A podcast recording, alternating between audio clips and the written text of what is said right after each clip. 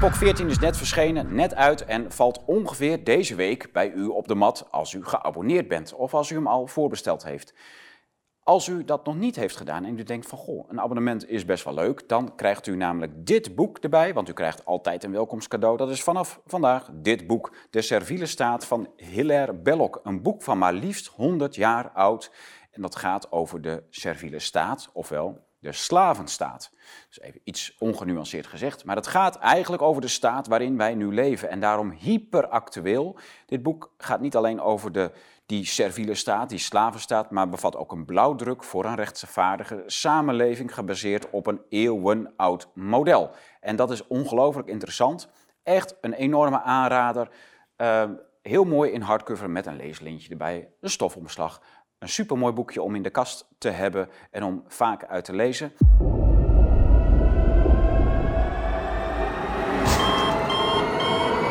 Van harte welkom bij Blue Tiger Studio. U kijkt naar een serie van een aantal mini-colleges van Peter Borger, de celbioloog ja, uit Nederland, woonachtig in Zuid-Duitsland. Uh, hij heeft zich het afgelopen half, anderhalf jaar enorm geroerd op het gebied van corona, vaccinaties en alles wat daaromheen hangt. Dat heeft u kunnen volgen. Zo niet, dan kunt u dit volgen. Deze hele serie bestaat uit thema's over wetenschap versus pseudowetenschap, de PCR-test, het virus, de vaccinaties, heel erg belangrijk, en zo nog een paar. Deze thema's kunt u nu allemaal achter elkaar los volgen op het kanaal BlueTube.studio of op het YouTube-kanaal van de Blauwe Tijger. En die vindt u hieronder. Veel plezier. Ja, kijk, ik kan wel iets over Big Pharma zeggen, want uh, ik heb zelf heel lang in Basel ge gewerkt in Zwitserland. Dat is natuurlijk echt het centrum van Big Pharma. Was dat Roche, of niet? Nee, dat, ik had met mensen te, te maken die daar ja. werkten, maar ik werkte zelf uh, in het laboratorium ook aan projecten van de Big Pharma. Oké. Okay. Want uh, ja, die willen ook weten hoe hun producten, hoe die werken mm -hmm. bijvoorbeeld. Dus we hebben routes beschreven, hoe ze eventueel zouden kunnen werken. En aan de hand daarvan weet ik weet ik al jaren dat zij op zoek zijn ook naar nieuwe winstmodellen. Hè? Ja. En ja, goed, um, het is zo, veel van de oude medicatie, dat is extreem moeilijk te ontwikkelen tegenwoordig. Hè? De targets, heet dat, die zijn zo goed als verzadigd of gepatenteerd. Dus ja. het is moeilijk om iets, opnieuw, om iets nieuws te vinden. Ja. En uh, ja, ze werken dus aan, aan, aan, achter de schermen, kan men zeggen, gewoon al heel lang aan een nieuw winstmodel. En het makkelijkste winstmodel is natuurlijk een vaccinatiemodel. Want dan kun je heel snel kun je, uh, heel, veel geld, heel verdienen. veel geld verdienen. Dan heb je al je return on investment eigenlijk ja, al, precies. Toch? En kijk, met die nieuwe RNA-technologie kun je binnen een week kun je een nieuw uh, RNA-vaccin ontwikkelen. Zo. ontwerpen Zo. en dan uh, snel uh, ja, uh, erdoor Maar ja, ook echt dan al zo erg afgemeten, want de oude vaccins die werden altijd, moesten altijd heel erg specifiek, ja, hoe, hoe noem je dat, inmeten van zo'n vac vaccinatie? Ja, dat is natuurlijk, dan moet je, je, moet, je moet het goed contro controleren, hoe Ja. werkt het. Hè? Je Ja. moet goede groepen, grote groepen, je moet de effectiviteiten moet je bepalen en dergelijke. Nou goed, op dit, met die nieuwe technologieën is dat natuurlijk niet uitvoerig gebeurd. Maar het, het, het, het, voordeel natuurlijk voor pharma is dat zij heel snel heel veel verschillende vaccins kunnen ontwikkelen. Want je hoeft dat niet meer heel lang uh, te, uh, te studeren, zeg maar. Je, de, de, de, de, de processen die daarbij een rol spelen gaan supersnel. Dat zijn al die, die, die uh, DNA-RNA-technologieën die je Ja. tegenwoordig hebt. Dus als jij denkt, ik heb een sequentie van een virus, dan kan je dat in binnen 24 uur kan je zo'n zo'n vaccin eigenlijk ontwerpen en dan maken. Dus dat gaat supersnel. Maar wat is dan het verschil? Eh, Daar hebben we het net niet over gehad. Je hebt klassieke vaccins en Ja. daar werken nu ook een aantal fabrikanten aan, aan coronavaccin, dus Novavax hebben we het dan over. Ja. Ehm, en dat nieuwe eh, RNA-vaccin, wat dan zo snel toegepast kan worden. waar je Nou, nu het dat- over kijk, hebt. Waarom eh, ben ik... eh, ik heb net uitgelegd waarom ik eigenlijk ehm, niet echt ervoor ben om iedereen met een RNA-vaccin in te enten. Want je weet niet precies wat er gaat gebeuren. Hè. Je weet ook niet of dat RNA-vaccin op de juiste plaats blijft. Hè. Als het in andere cellen tot expressie komt. Want we praten over een stukje genetische informatie. Dus in principe kan dat in elke cel tot expressie komen. Dat betekent dat die virale eiwitten die dan worden aangemaakt, die worden door jouw eigen lichaam, ectopisch heet dat, op, op, op verschillende plekken aangemaakt. en wat gaat er dan gebeuren? Gewoon? Dat is even, het, even de vraag. En we zien ook met, met heel veel van, van die, van die uh, bijwerkingen zien we nu ook op ontstaan. Bijvoorbeeld tromboses. Hè? Trombose zie je veel. Je ziet uh, ontstekingsreacties zie je optreden. Ja. Nou, Kunnen we straks nog even apart over hebben. Dat is natuurlijk iets heel interessants. Precies. En dat heeft te maken heeft ermee te maken dat deze uh, informatiemoleculen, en RNA is ook een informatiemolecuul, dat die op de verkeer, in de verkeerde cellen tot expressie worden gebracht. Die worden op de verkeerde plek geproduceerd. En dan krijg je dit soort ja, vervelende dingen. En, en, en, en echt gevaarlijke dingen. Ja, dus je gaat eigenlijk gewoon aan het klooien in dat DNA. Precies. Dat, nou ja, goed, het is een hele andere, andere techniek die ze doen. En eh, van, ik zeg ook, die, die, die, die, uh, die die oorspronkelijke technieken die we hadden met eiwitten, hè, dat, dan krijg je een eiwit ingespoot. Nou ja, daar kan je ook eens een beetje allergisch op, op reageren. Maar dat, dan ben je in ieder geval zeker ervan dat het niet in je genoom gaat zitten, niet in je DNA gaat integreren. En, je, en daar ben je 100% zeker van. Dus dat is het grote verschil tussen een, een, een, een eiwit, eiwit uh, vaccin en een DNA- of RNA-vaccin. Je bent 100% zeker, dat gaat niet in je genoom zitten. Natuurlijk heeft het hier en daar kleine bijwerking, dat geloof ik ook wel. Maar het gaat mij erom van, uh, please, geen nucleotiden, dus geen informatiemoleculen injecteren. Dat is echt het grote punt. Ja, dat geen is het, informatiemoleculen. Geen, informatie, geen virale informatiemoleculen injecteren in je lijf.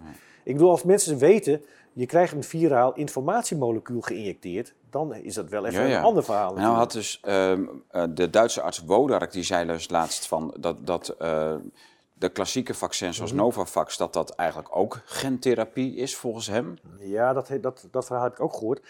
Uh, daar moeten we echt heel voorzichtig zijn, want um, hij, hij, hij, um, hij zegt het inderdaad. Hij zegt, we hebben eigenlijk hier ook te maken met gentherapie. Maar mhm.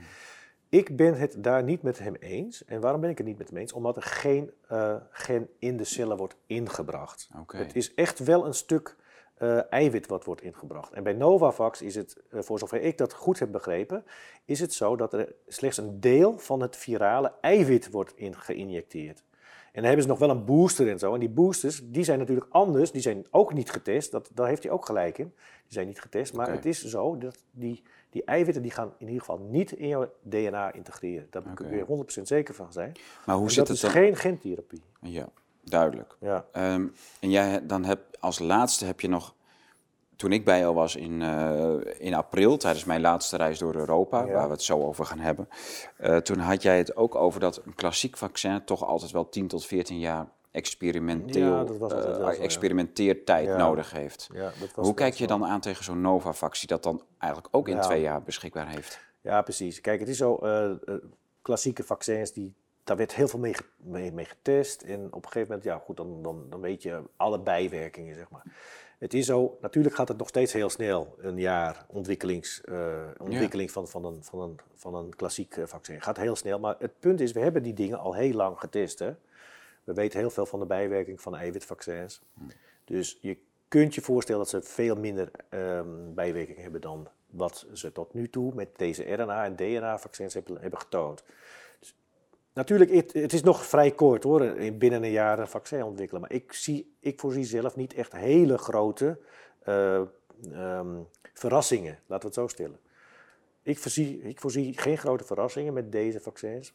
Ik kan er ook naast liggen, maar okay. als ik moet kiezen tussen een DNA-vaccin of een RNA-vaccin en een eiwitvaccin. En ik zeg ook altijd, als er dan ook nog eens een keer een, een dwang komt om je te laten vaccineren, dan ben ik gewoon ertoe geneigd om toch deze eiwitgebaseerde vaccins te nemen. Kijk. Ja. ja. Dus bij vaccinatieplicht zou je toch alsnog daarvoor kiezen. Ja. ja. Het punt is, in Nederland heeft de mens eigenlijk geen keuze. Wij in Duitsland kunnen nog wel zeggen, we willen Novavax. En Valneva komt waarschijnlijk dan ook pas. Valneva, dat was het Valneva is die andere. Dat is dus dat is een, een gedood virus, een geïnactiveerd virus, zeg maar. Maar in Duitsland hebben wij in ieder geval nog een keuze. Hè, want die hebben ze, hebben ze besteld. Maar dat kunnen wij toch hier afdwingen in Nederland? Ik zou dat proberen af te dwingen. Want het, is, het, kan niet zo zijn dat er iemand, een hele kleine groep beslist van... wij kopen alleen maar deze RNA-vaccins in of alleen maar DNA-vaccins... en we kopen geen eiwitvaccins. Dat is, voor mij is dat een not done gewoon. Dat, dat kan niet. Je moet, als jij ook nog gaat zeggen van... We moeten de alle. We dan, moeten kun je, dan kun je het hele Rijksvaccinatieprogramma wel afschaffen. Want dat zijn allemaal eiwitvaccins. Dan kun je toch, waar, waarom die dan nog wel? voor die, al die andere ziektes, zoals polio en... Ja, Ja, dan, kijk, als, als Kijk, er hier zit, natuurlijk een hele, er zit natuurlijk ook een, een, een, een, echt een financiële component zit hierin. Is Ja, hierin hè? te spelen. Ja, Die natuurlijk. prikkel, ja, ja. Dat, dat moet zo zijn. Want Ja. ik bedoel, ik kan me niet voor. Waarom zou je gewoon, waarom, waarom zou je de mensen zelf niet een keus geven? Waarom mag de mensen zelf niet bepalen tussen een eiwit, een RNA en een DNA? En dan met goed overleg en goede voorlichting gewoon kunnen ze dan een, een, zelf een beslissing nemen. Het moet niet zo zijn dat, dat, dat, dat Hugo de Jonge zegt: hey, we hebben geen eh, eiwit eh, ingekocht, want we hebben die andere toch liggen. Nee, zo, zo werkt dat gewoon niet. Hè? En Je moet gewoon weten van, dit zijn de, eh, dit zijn de DNA-vaccins, zo werken ze. Dit zijn de potentiële gevaren, voor het RNA net zo en voor eiwit net zo. Dus als je dat allemaal op een rijtje hebt, dan kan, kun je zelf beslissen wat je wilt. Nou, als je die keuze wegneemt, ja, wat, in wat voor land woon je dan nog? Ja. Als je geen, niet zelf mag bepalen over wat jij in je lijf krijgt ingespoten. Dus, en überhaupt iemand tot een vaccinatie dwingen, dat is, dat is, toch, dat, dat is, dat is toch buiten alle, buiten alle eh, redelijkheid, lijkt mij. Dus ik ben het daar absoluut niet mee eens. Dat kun je ook op mijn Twitter, eh, Twitter kun je dat lezen. Ja. Gelukkig heb- ben je ja. nog op Twitter, eh, Peter. Ja, gelukkig wel, ja. Ben je nog niet afgegooid? Nee, nee,